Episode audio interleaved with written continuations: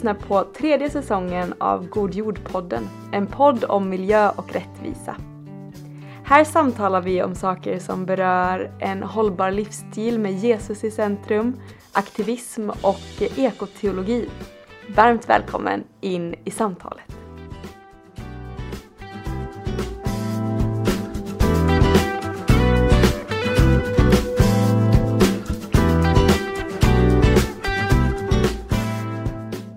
Ingen har väl missat att valet närmar sig med stormsteg. Den 11 september så har vi möjlighet att rösta för vilka vi vill ska styra våra kommuner, regioner och hela vårt land. Det är alltså detta val som det här avsnittet kommer kretsa kring. Vårt syfte med det här avsnittet är inte att reda ut eh, vilket parti man ska rösta på i valet eller vad som är den mest effektiva miljöpolitiken, utan samtalet kommer kretsa kring hur viktigt det är att skapelsen får en central roll i politiken och i vår framtidsvision. Vi lyfter frågor kring agendasättande, samspelet mellan civilsamhälle och politik och vad vi som medborgare kan göra för att påverka politiken, utöver att gå till valurnorna. Med mig för att prata om detta har jag ingen mindre än Lennart Renefelt. Så jag önskar både honom och er som lyssnar varmt välkomna in i samtalet. Nu kör vi! Först vill vi höra vem du är. Ja, jag bor i Marmaverken i södra Hälsingland sedan eh, ja, flera generationer brukar jag säga. Eh, och är pastor i kyrkan, numera pensionerad men fortfarande pastor. Och eh, har haft ett engagemang för den här typen av frågor med miljö, klimat och fred och rättvisefrågor under stor del, eller större delen av mitt liv får jag säga. Mm. I olika sätt och olika kanaler, både i kyrkan och även i civilsamhället på olika sätt. Mm. Ja, för du sitter ju med i God Jords styrelse, men också med i kyrkornas världsråds klimatgrejer. Ja, jag har, finns med i klimatarbetsgrupp som Kyrkornas världsråd har och eh, även i Sveriges kristna råd. Så jag har förmånen att få följa och vara engagerad i de här frågorna på, på lite olika nivåer och även lokalt här. Mm. Där jag finns också. Det tycker jag är väldigt spännande och väldigt berikande att se hur det mm. hänger ihop mm. på det sättet. Mm. Och du har inte bara hållit på i civilsamhället utan nu också kastat in i politiken. Ja, sedan några år tillbaka, så, eller sen före förra valet, så finns jag med i en liten lokalt parti här i Söderhamn mm. som eh, mycket fokuserar just på hållbarhetsfrågor och eh, omställningsfrågor. Och det känns eh, superkul att eh, just du gästar podden av den anledningen som har både livserfarenhet och liksom praktiska erfarenheter, lite olika grejer. Och det ska bli kul att eh, verkligen få grotta ner sig lite då. Och vi kommer ju inte gå igenom riktigt så här, vad ska man rösta på, varför ska man rösta så här, utan vi kommer mer prata om vad är det viktigt att tänka på inför valet om man tycker att miljö och klimat är någonting som är centralt. Hur, hur ska man tänka kring valet? Och eh, först och främst så tänkte jag att vi skulle prata om det här att trots att vi vet att vi står inför en klimatkris, en artkris och Eh, liksom utmaningar i allt från vatten eh, och livsmedelsförsörjning till havshöjningar till extremväder och ökenutbredning och allting så är det ändå väldigt många andra frågor som får ta större plats i valrörelsen. Vad, vad tänker du om det? Varför, varför är inte klimatet på allas läppar? Ja, det gör ju en bra uppräkning av alla de kombinerade kriser vi står i som ju hänger ihop och påverkar varandra och så där med, inte minst med artdöd, minskande biologisk mångfald och klimatfrågan har ju ett nära samband. Eh, och det, som du säger kan man ju undra då verkligen varför får inte det här genomslag? Mm. För de flesta politiska partier i alla fall så, så trängs den här frågan undan och det blir andra frågor man lyfter fram. Mm. Jag tror ju att eh, Ja, en av orsakerna är att det här är frågor som är lite mer långsiktiga, de är, kan tyckas mindre gripbara, de är globala.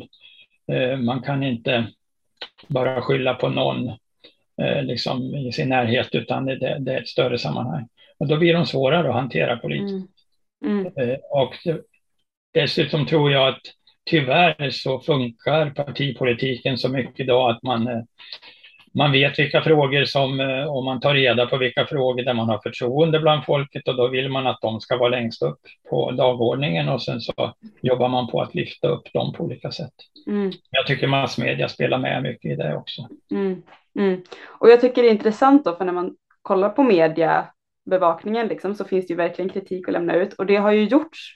Jag, lä jag läst nu bara i veckan två stycken intressanta texter, en i Dagen eh, där det var en gästkrönika av Marie Demker som pratade om just det här med agendasättande och att klimatet faktiskt hamnar högt bland unga till exempel. Eh, och att andra frågor kanske hör hemma i andra grupper men det är ändå de som får ta plats i hela varelsen. Men även i DN som eh, kanske når ut till ännu fler eh, så har Amat Levin skrivit nu bara igår tror jag när vi spelar in det här, en text om just det här med agendasättande. Och jag tycker det är, ja, det är spännande just att liksom, man verkligen kan välja vilka frågor som får synas. Så. Mm. Och frågan är, går det att göra någonting åt det? Ja, det är ju där vi försöker i civilsamhället mycket som är engagerade i de här frågorna och i miljö och klimatrörelser och eh, även andra rättviserörelser och så att eh, lyfta frågorna och så. Det är det som Fridays for Future med Greta Thunberg i spetsen då jobbar med. Hon säger ju ofta att, eh, att vi behöver engagera civilsamhället därför politikerna kommer inte göra något förrän det blir politiskt mm. självmord och inte göra något så att säga. Mm. För att politiken är allt för mycket inriktad på att få röster och mindre på sakfrågorna då. Mm. Så det, det, det, är ju viktigt att påverka det, men, men som sagt det är eh, tyvärr så att andra frågor då lätt kommer först. Men mm. tänker man också på det du sa om att eh, för unga, både att många unga ser att det här är viktiga frågor och självklara frågor som vi måste ta med. Och som vi tänker lite längre att eh, omsorgen om de barn och ungdomar så borde det vara så att vi som vuxna då skulle vara engagerade. Vi brukar ju säga att det viktigaste vi har det är våra barn och barnbarn om man har fått den förmånen. Mm. Men om vi går till de här frågorna så, så verkar det ju inte så. Vi, vi mm. förnekar ju det hela tiden med både vår egen livstid och vilka frågor vi tillåter bli politiskt viktigare. Då. Mm. För då när vi kommer just till politiken och civilsamhället och du, liksom hur, hur hänger det här ihop? Hur ska vi tänka kring, kring de olikas roll och plats i samhället? Så den politiska nivån är ju helt avgörande ändå. Vi måste få till politiska beslut som ändrar de strukturer vi, vi har eh, mm. på alla möjliga nivåer. Då. Så för att vi som individer ska kunna ställa om så behöver vi också stödet av samhället. Jag kan ju inte välja bort fossiltransporter om det inte finns alternativ i samhället. Då. Eh, går det dåligt med bussar och tåg och, och så, så fastnar jag i andra transporter. Då. Och så är det ju på många områden. Vi, vi, måste få politiska beslut och, och, och eh, då får man ju gå till eh, de som, alltså jag tror ju att generellt är det så att de två nivåer som kan de här frågorna bäst, det är ju de civil, i civilsamhället som engagerar sig, miljörörelser av olika slag och eh, även folk inom kyrkorna och så. Mm. Och sen så är det vetenskapssamhället naturligtvis som, som ju har, får vara en eh, en vägvisare för oss då. Eh, och eh, sen kan jag förstå att politikerna har många intressen och många frågor de ska kunna. Man kan inte begära att de ska vara sakmässigt så kunniga i alla frågor, men, men eh, vi, vi, ska, vi måste ligga på och vi ska göra det med besked så att säga och i en upplevelse att vi faktiskt har någonting att bidra med. Mm. Ja, och just det här med både liksom civilsamhälle och strukturella problem. Jag tänkte om jag kunde få ta en liten tillbakablick på en fråga som jag själv har varit med och jobbat mycket och hur det ändå påverkade politiska beslut och så. Då är det, handlar det om arbetet på 80-talet framför allt med eh, anti-apartheid-arbetet som ju var en, ett stöd för framför allt och kampen i Sydafrika och även några andra kolonier, mm. kolonier då, som befriade sig. Och eh, där byggde vi ju ett civilt ar arbete med massor av organisationer, där inte minst, eh, och det har jag sett tydligare när jag tittar på ett efterskott också, att de kristna ungdomsförbunden, som var många då, gick i bräschen och tillsammans med en del solidaritetsrörelser drog igång Isolera Sydafrika-kommittén, då, som det hette, HISAK. Mm. Och det blev ju en eh, väldigt stark civil påtryckningsfaktor som steg för steg faktiskt väldigt aktivt påverkade svensk politik på området. Mm. Så det tycker jag att sånt där, det har betytt otroligt mycket i mitt liv då att fått vara med om att bygga upp det här och se vilken effekt det har. Mm. En tilltro till att civilsamhället faktiskt kan förändras, speciellt om man är envis och bygger brett och jobbar tillsammans och mm. påverkar. Så, så det är av betydelse vad vi gör och eh, att kunna skapa breda rörelser. Och, eh, jag tror inom kyrkorna då så har vi en otrolig potential på det här. Eh. De, vi är ju världens största rörelse, mm. kyrkan i världen och när vi börjar komma igång med det här och jobba med det då, då kommer det att börja hända saker. Det är bara i, i begynnelsen än, känner jag. Mm. Mm, man hoppas ju det i alla fall. Och det, det är kul att se när det rör på sig och mm. kul att höra exempel. Liksom. Jag är helt övertygad om att kyrkan kommer att mer och mer komma igång med det här. Och, och det är ju också något jag har hört ifrån vänner i eh, i civil, andra civilsammanhang, då, i solidaritetsrörelsen och så under arbetet med antiapartheidarbetet, att de såg ju också att kyrkans folk var uthålliga och de hade en motivation som gick på djupet för det arbetet mm. man gör. Det var inte bara tillfället man gick in. Mm. Så generellt, att eh, vi har en uthållighet, vi har mycket resurser, vi, har, vi är duktiga på att organisera, vi har liksom, ja, på flera plan har vi möjligheter, både som individer och som gemenskap. Mm. Mm. Det ska vi använda och det är vi på gång med och det börjar hända mycket. Godjorden är ett bra exempel på det. Mm. Mm, exakt. organisera oss och inte minst unga människor. Så. Nej, men det, och jag tycker det är så kul och det är många som vittnar om det, liksom, att det är, är nice att ha en kristen miljöorganisation där vi får vara med och bygga den här rörelsen som det finns så mycket potential i. Liksom. Ja, jag tror ju på samspelet där. Va? Det, vi behöver inte sätta god jord mot de andra då, utan det är snarare en plattform där man funderar också utifrån sin tro. Mm. Vad det här får för konsekvenser och vad vi faktiskt kan åstadkomma som kyrka. Då. Mm. Men sen behöver vi kroka arm med andra, för i sakfrågorna ligger vi väldigt nära varandra. Mm. Gånger, va? Vi, vi förstår problemen och vi, vi vill jobba för dem tillsammans. Då, men att vi har också en, en grund i vår tro och i vår teologi var faktiskt mm ordet då. Och det, det, det är vår, en väldig styrka. Mm, verkligen. Och det är bra som du säger att vi kan kroka arv med andra organisationer som kanske mer har den stora organisationen eller har eh, sakkunniga, typ Naturskyddsföreningen, WWF, liksom, mm. som har en större sakkunskap kanske inom och har råd att anställa folk som jobbar med bara det. Mm. Eh, men, eh, men just för att lägga till den här dimensionen liksom, med vår tro och varför vi, mm. vi tänker det här. Men ja, civilsamhället är viktigt och det utövar ju verkligen sin påtryckning också. Mm. Här, här, i Söderhamn då så har vi bildat ett nätverk mellan civilsamhället och det är Naturskyddsföreningen och Fridays for Future och studieförbund och, och, och några andra och mm. några från kyrkorna då eh, också. Och eh, och sen har vi fått eh, med eh, några av de anställda på kommunen som tycker det är jättekul att det finns ett engagemang då mm. Miljöstrateg och, och, biolog och sånt där. Och eh, nu bjöd vi in till en partiledare eller partidebatt då mm. med frågor kring hållbarhet då, utifrån kommunens perspektiv och, och, och fick dit alla partiers ledare i kommunen i princip. Och eh, jättekul då just att vi tillsammans kunde få upp de här frågorna mm. högre på agendan inför valet. Annars mm. ordnas det några andra debatter också politiskt inför valet här lokalt, men, men inte med den här fokuset. Mm. Så det är ett typiskt exempel på vad man kan göra då i civilsamhället. Då. Mm. Lyfta frågorna. Mm. Ja, det, och det är ett bra liksom, sätt att göra det på nära nivå också. Jag tänker att det mm. behöver verkligen lyftas. Att så här, hur ser det här ut i min kommun och hur ser det här ut i min region? Liksom. Eh, dessutom. Mm. Och nu också i dagarna när det här spelas in så har det ju precis släppts en kravlista från elva stora miljöorganisationer eh, där de också liksom på, utövar påtryckning så på, på våra politiker.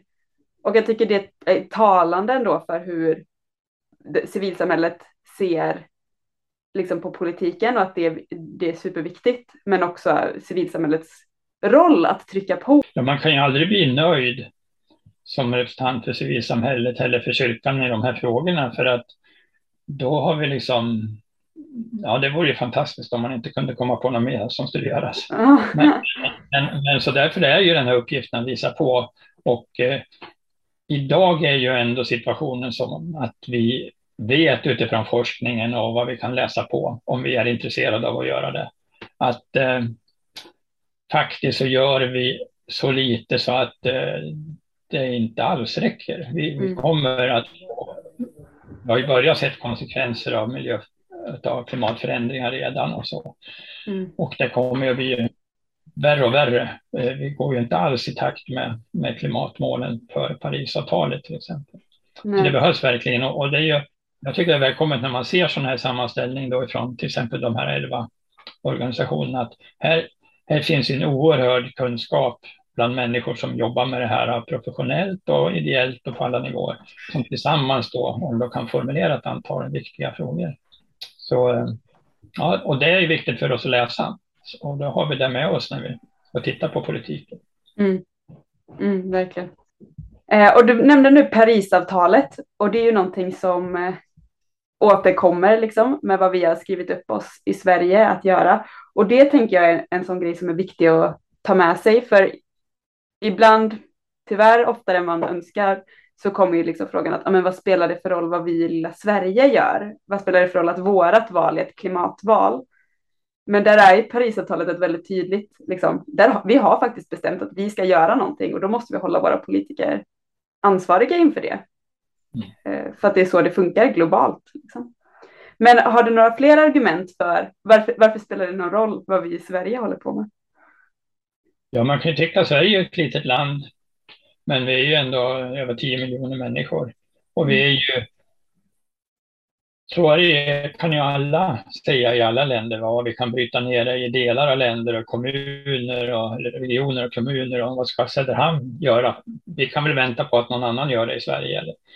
Eh, så det kan vi hålla på hela tiden och varför ska jag göra någonting när inte mina grannar gör någonting? Mm. Eh, utifrån en kristen etik så så eh, ja, det är ju dåligt betyg i ett mm. sådant resonemang. Det, det, det, stämmer ju inte alls med en grundläggande kristen etik om vi utgår ifrån där vi finns nu då i det här samtalet. Mm. Eh, och eh, sen är det ju inte så heller att eh, Sverige inte spelar någon roll därför att vi, vi, ju, vi brukar ju ibland slå oss för bröstet och tro att vi är bäst på allting i Sverige. Mm. Eh, och så är det väl att med en del, vi ligger i framkant på en del forskning och vi bidrar där med, med en del viktiga grejer nu och vi, vi eh, trots allt så har vi en klimatpolitik som låter bra åtminstone på pappret. Där, mm. Men samtidigt så vet vi ju att Sverige hör till eh, de allra värsta när det gäller utsläpp. Mm. Inte i toppen men, men ändå väldigt högt. Mm. Skulle, och vi lär oss med de här overshoot day, alltså när, när, vi har utnyttjat den kapacitet som jorden har att förnya liksom saker varje år, så ligger den då någon gång i augusti. Ja. Mm. Men om man skulle leva som i Sverige så ligger den då i april. Mm. Och det visar ju liksom att, att vi, vi lever mer över våra tillgångar än väldigt många mm. människor. Sen har det ju att göra med hur rik man är som person också. Mm. Eh, det är en väldig skillnad på hur, belastningen på klimatet där utifrån hur mycket pengar man har. Mm, mm, verkligen.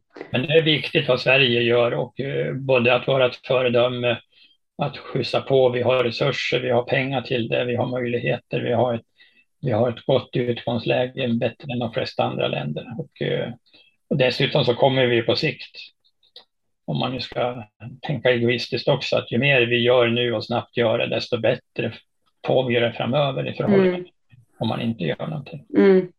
Mm, verkligen. Och jag tycker ändå att det här med liksom det etiska perspektivet i det, eh, framförallt då som liksom kristen, Eh, och har, om man har den etiken med sig så blir den viktig, men även för andra så kan vi bara stå och låta det ske och peka finger på någon annan liksom och säga att de måste ändra sig först. Det, ja. det blir ju som du säger att utifrån ett kristet perspektiv är det ju helt omöjligt om man inte har hittat på någon egen teologi. Mm. Jag har läst något annat än bibelordet då, men, men, men även grundläggande etiskt tänkande i vårt samhälle så, så blir det ju också helt fel. Mm. Så det är alltså, om man tycker att miljöfrågor är viktigt i sitt eget liv är det rimligt att tänka att det ska vara viktigt i politiken också. Så är det någon som inte var övertygad om det innan man satte på den här podden hoppas vi att man har med sig det nu i alla fall.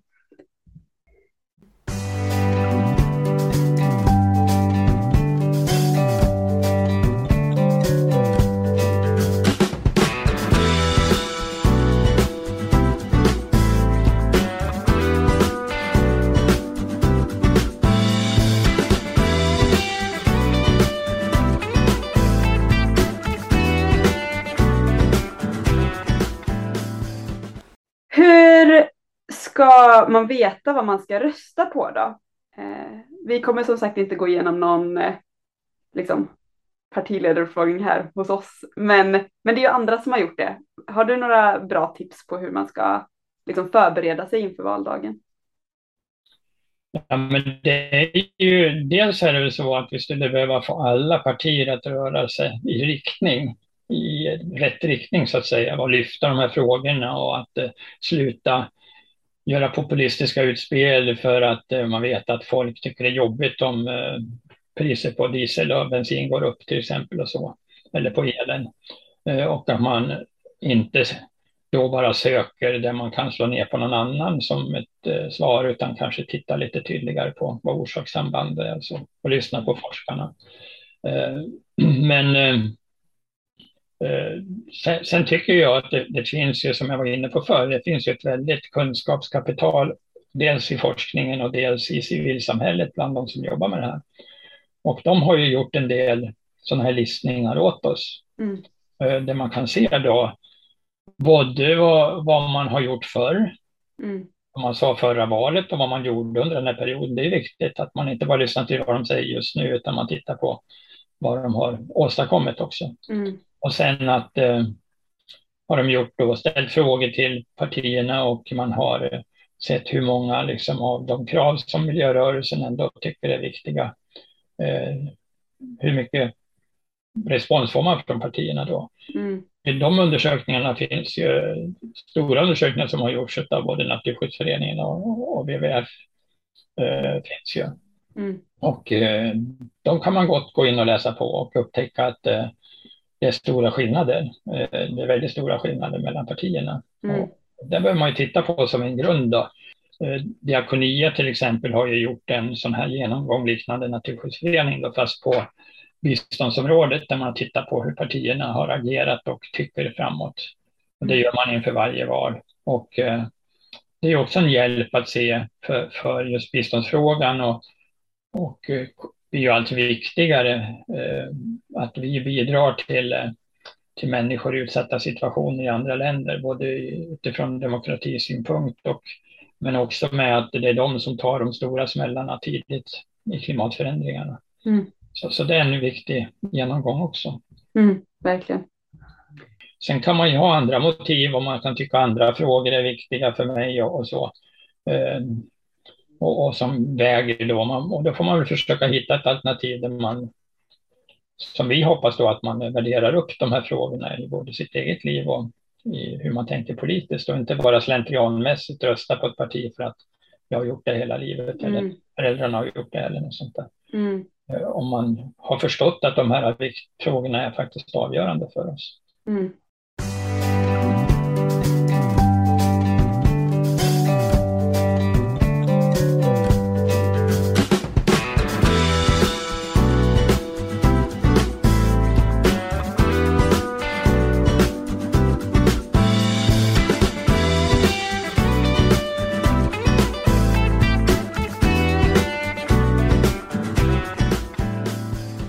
När vi pratade om detta så kom vi också in på att man ju kan gå steget längre för att se till att de personerna som kommer i maktpositioner verkligen prioriterar klimat och miljöfrågor. I personvalet kan man ju faktiskt välja att lyfta fram personer som står för de här. Och det behövs liksom inom alla partier, så även de partier som kanske inte presterar speciellt bra i de här granskningarna, om man nu nödvändigtvis vill rösta på något av dem ändå, liksom för att man håller med om resten av politiken, så kan man ju faktiskt lyfta upp de som står för klimatansvar, de som vågar ta ansvar för miljö och klimatfrågor, eh, mm. även om partiet i sig kanske ligger efter där. För att vi behöver att alla partier steppar upp. Det här kan liksom inte vara en fråga som alla inte bryr sig om. Då kommer vi inte komma någonstans. Nej, men det, det, det är riktigt att vi behöver att alla rör sig i en riktning och då behövs det fler som också utmanar sitt eget parti. Mm. Det, är ju, det där är ju lite svårare ändå än att läsa en, en genomgång av partierna. Att hitta då de här personerna, men då får man ju lyssna inom det parti man kanske ligger närmast då. Mm. Och höra, finns det individer där som jag, som jag kan på olika sätt, och olika nivåer, kanske också i politiken, lyfta fram. Mm. Det finns ju också de här valkompasserna som eh, jag tycker är till hjälp när man eh, står och funderar på vilka partier man ligger närmast. Men eh, där är det ju viktigt att också lyfta ett varningens finger, vilket också har lyfts lite i media, men också i, i vår Facebookgrupp till exempel, att det finns ju valkompasser som mer eller mindre fokuserar på klimat vilket ju gör att med, eller klimat och miljö får man väl säga, om det inte dyker upp så många frågor om det så kanske resultatet blir missvisande om man just tycker att det är viktiga frågor som då inte får väga så mm. tungt. Mm. Jag har själv tittat och gjort några av de här och eh, lyssnat till ibland då när jag tyckte att eh, frågeställningarna är lite märkliga och också känt att, vilket har varit vanligt i debatten nu, att man nästan reducerar klimatdebatten till en fråga om energiförsörjning mm. och energipriser och sådär. Mm. Och eh, då har man ju tappat lite mm, den stora bilden och eh, göra mer till en populistisk fråga då. Mm. Så att, som du säger, man, man, eh, man, man, behöver ha lite koll på vad är det för frågor man får där och vad är, dominerar i det. Men det är klart man kan man kan få en fingervisning ändå om vilka partier man ligger nära och sen kan man ju lägga till då en analys på det här området och, väga in den också. Då. Mm. Och som du sa, att om man absolut känner att man måste rösta på något parti som miljörörelsen kanske underkänner så, eller inte anser det hör till de bästa så, så, så får man ju väga det emot en insikt om att de här frågorna ändå får för lite utrymme. Mm. Mm, för det blir en typ av agendasättande igen, där vi är tillbaka liksom att om det inte kommer en enda fråga i valkompassen om biologisk mångfald, varför, varför skulle då opinionen bry sig? Typ? Eller så här, att det ja. är...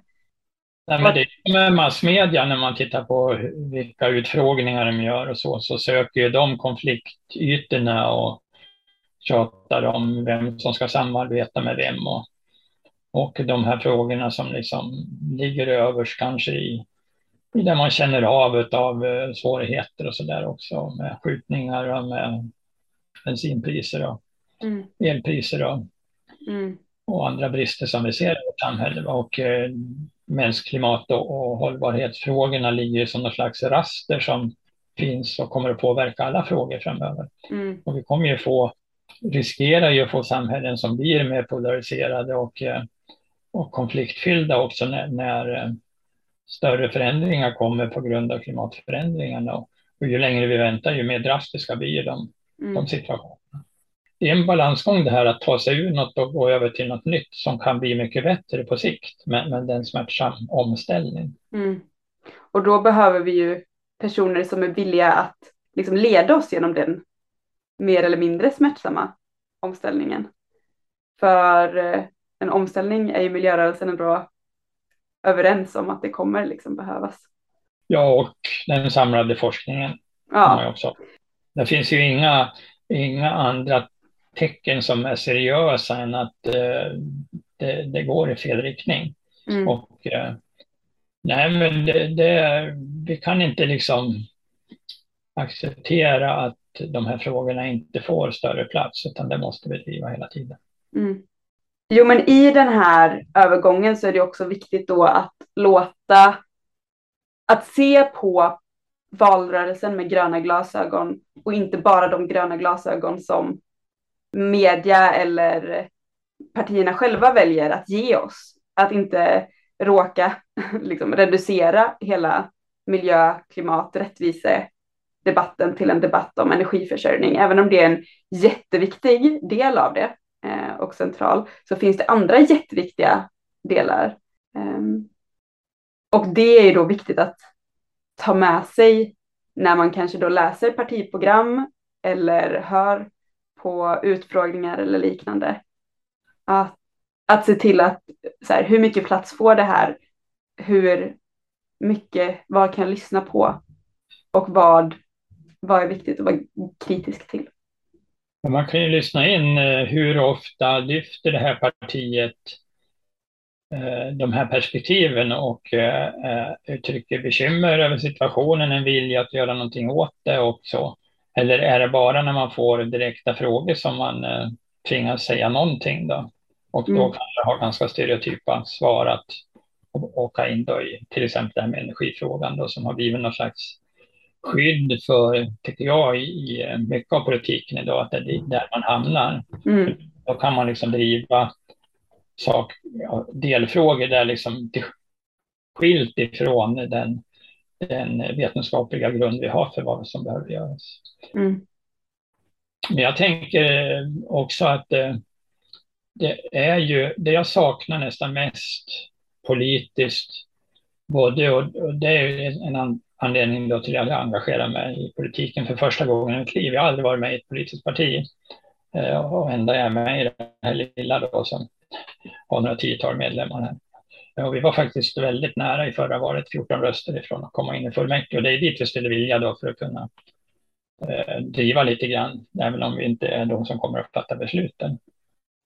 men vad jag förväntar mig av politiken, eh, det är att man skulle uttrycka en slags krismedvetenhet. Mm. Eh, vi kommer inte att få en krismedvetenhet generellt i vårt samhälle och bland människor om, om ytterst få av partierna och ytterst få av politikerna faktiskt ger uttryck för att de har fattat att det här är viktigt. Både i det de säger och i hur de handlar.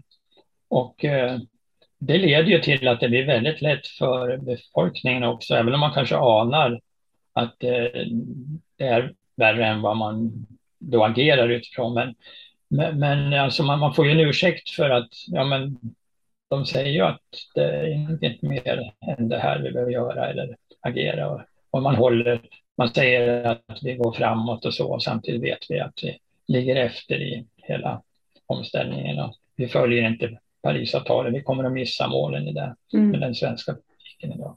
Mm. Alltså liksom att, att gå ut då, det skulle man behöva, och det har vi tjatat om här lokalt också, va? att, att om våra politiker, någon, till, helst tillsammans då från partierna, skulle kunna säga att de här frågorna tar vi verkligen på allvar. Vi, vi vill jobba för gemensamma lösningar, vi har lite olika ingångsvinklar och synpunkter och så, men, men vi erkänner ändå att forskningen är enig och det är verkligen en krissituation. Mm. Det tror jag skulle betyda mycket. Om vi jämför liksom med vad som hände när coronan slog till. Mm. Där vi kunde stänga ner samhället och alla möjliga saker. Eh, och vi gav stöd för att vi skulle klara krisen och så. Och med det här så är det liksom ingenting händer på, av mm. det slaget och på den nivån. Mm. Men det är möjligt, det har vi sett, om man vill. Mm. mm. Ja, och det är verkligen det på något sätt också som civilsamhället och opinionspåtryckningar kan vara med och påverka liksom att alla tycker att det här blir viktigare så att det blir en, ett samarbete som verkligen går igenom. Eh, mm. så, att det, så att det här stora som, ske, som behöver ske kan få hända.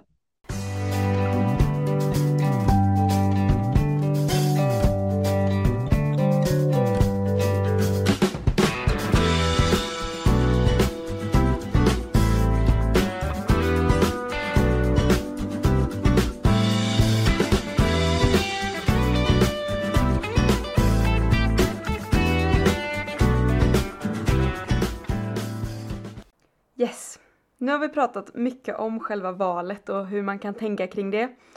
Men vi har också satt ihop en lista där vi nu, utan inbördes ordning, tänkte presentera fem saker som man som medborgare kan göra för att hjälpa till att prioritera upp skapelsen på dagordningen. 1. Man kan skriva på namninsamlingar. Det är ett ganska litet eh, steg, men jag tror ändå att det kan göra skillnad. Det är bra att stötta dem som tänker igenom olika frågor och driver en fråga. Så, så ofta använder man ju resultat från en namninsamling för att få ett tillfälle att synas i media och trycka på en fråga. Mm. Och där finns det ju stora organisationer som, som fixar det liksom. Mm. Åt en lite, man får serverat från Naturskyddsföreningen eller nu är det några som håller på med Rädda biståndet. Eh, jag vet inte om den är inskickad redan, men att där är det stora aktörer som liksom gör grundjobbet.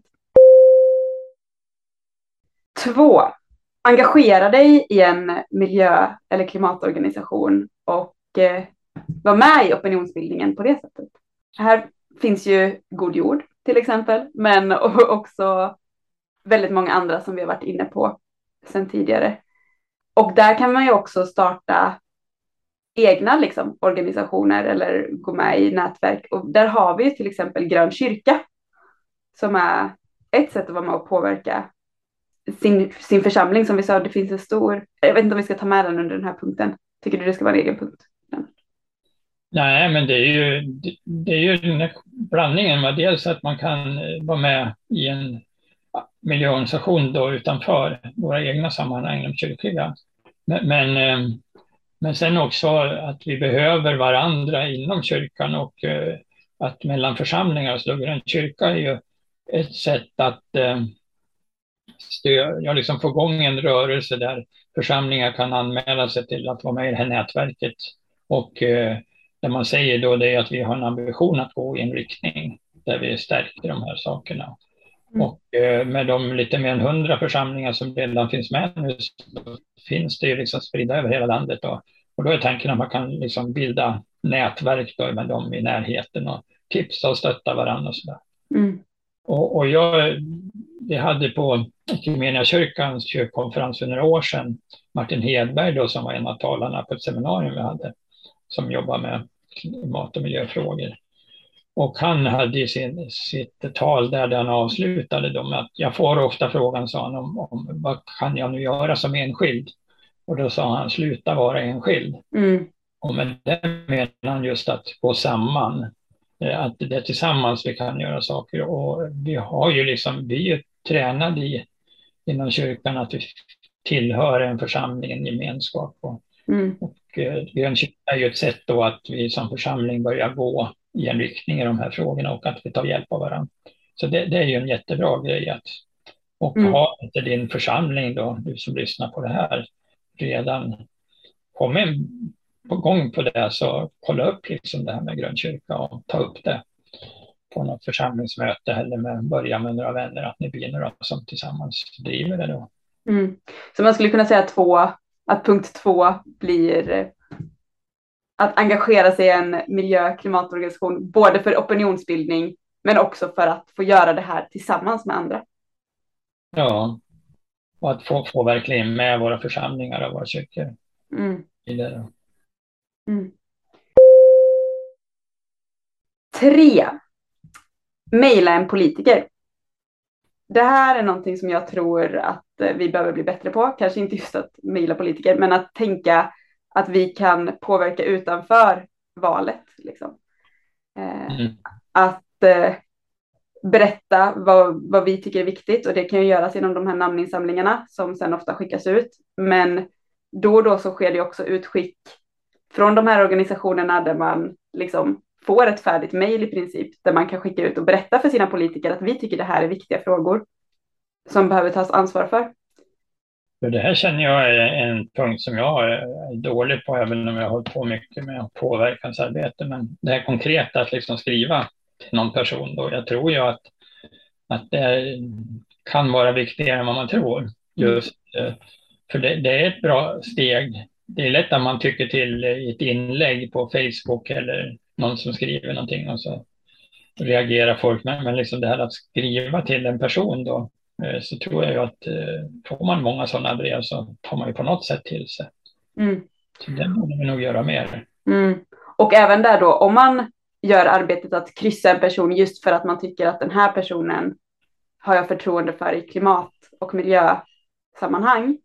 Att varför inte mejla och säga att eh, du får min röst av den här anledningen och då hoppas jag att du faktiskt driver de frågorna.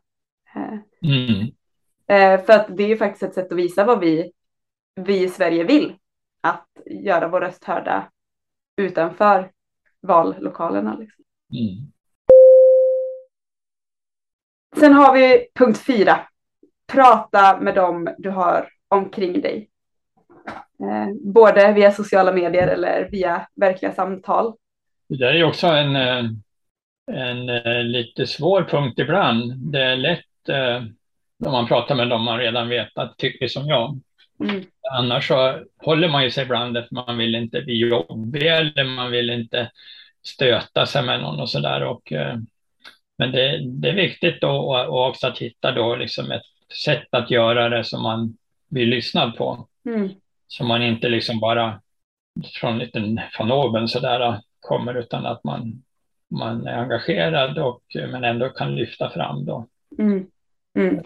Sen kan man ju också på sociala medier att ibland så kan man behöva gå in där och klicka lite tummar upp för, för de som faktiskt orkar ta debatten för att ibland är det ju väldigt dominerat av destruktiva krafter. Mm. Mm. Och där tänker jag att där kan man ju ha, känna sig kallad att vara på olika nivåer. Liksom. Vissa står på barrikaderna och får prata och andra kanske har sitt fikarum eller sin familj eller så. Och det kan ju, Mm. både, det kan ju både vara givande, jag tänker mycket för att så här, få lyfta frågor, att det här säger forskning om man är påläst om det. Eh, Det här, vad tänker vi om det här? Men också för att få stöta och blöta sina egna argument med folk som inte tycker samma som en själv. Eh, och på så sätt liksom, Ja, det är nyttigt att få testa lite. Ja. Och så slutligen, sist men absolut inte minst, punkt 5. Något som vi kan göra inte bara för att prioritera upp klimatfrågan. Vi tror på vetenskapen, vi tror på mänskligheten, men vi tror ju också på Gud och att det är han som håller det här i sina händer till syvende och sist. Eh, och då, då måste vi vända oss till honom med både frågan om klimatet men också för våra politiker att, eh, att oavsett vem det blir som sitter i regering eller riksdag att be att de ska våga fatta viktiga beslut men också att de ska få lyckas i det de gör när det är för Sveriges bästa. Mm. Och jag skulle också vilja inbegripa då att eh, jag tror att det är jätteviktigt att vi får in det här i vårt gudstjänstfirande. Regelbunden förbön för den situation vi står i och för enskilda händelser och så där också i vår gudstjänst i förbönen där och det påverkar ju också tror jag vad vi ber för när vi kommer hem. Mm. Och också eh, bön för de som är engagerade och så och även för de som ska fatta beslut och att de ska Mm. ögonen och så. Mm. Så det är, det är ju en, ett område som vi har speciell både en möjlighet men också ansvar för i, i kyrkan. Då. Mm. Mm. Jag skulle också vilja i det sammanhanget utmana våra präster och pastorer att faktiskt predika om de här frågorna. Mm. Det var alltså fem saker som du och jag kan göra nu både inför och efter valet. Det här skulle vi ju kunna fortsätta prata om väldigt länge och bara för att avsnittet nu närmar sig sitt slut så betyder det faktiskt inte att samtalet är slut.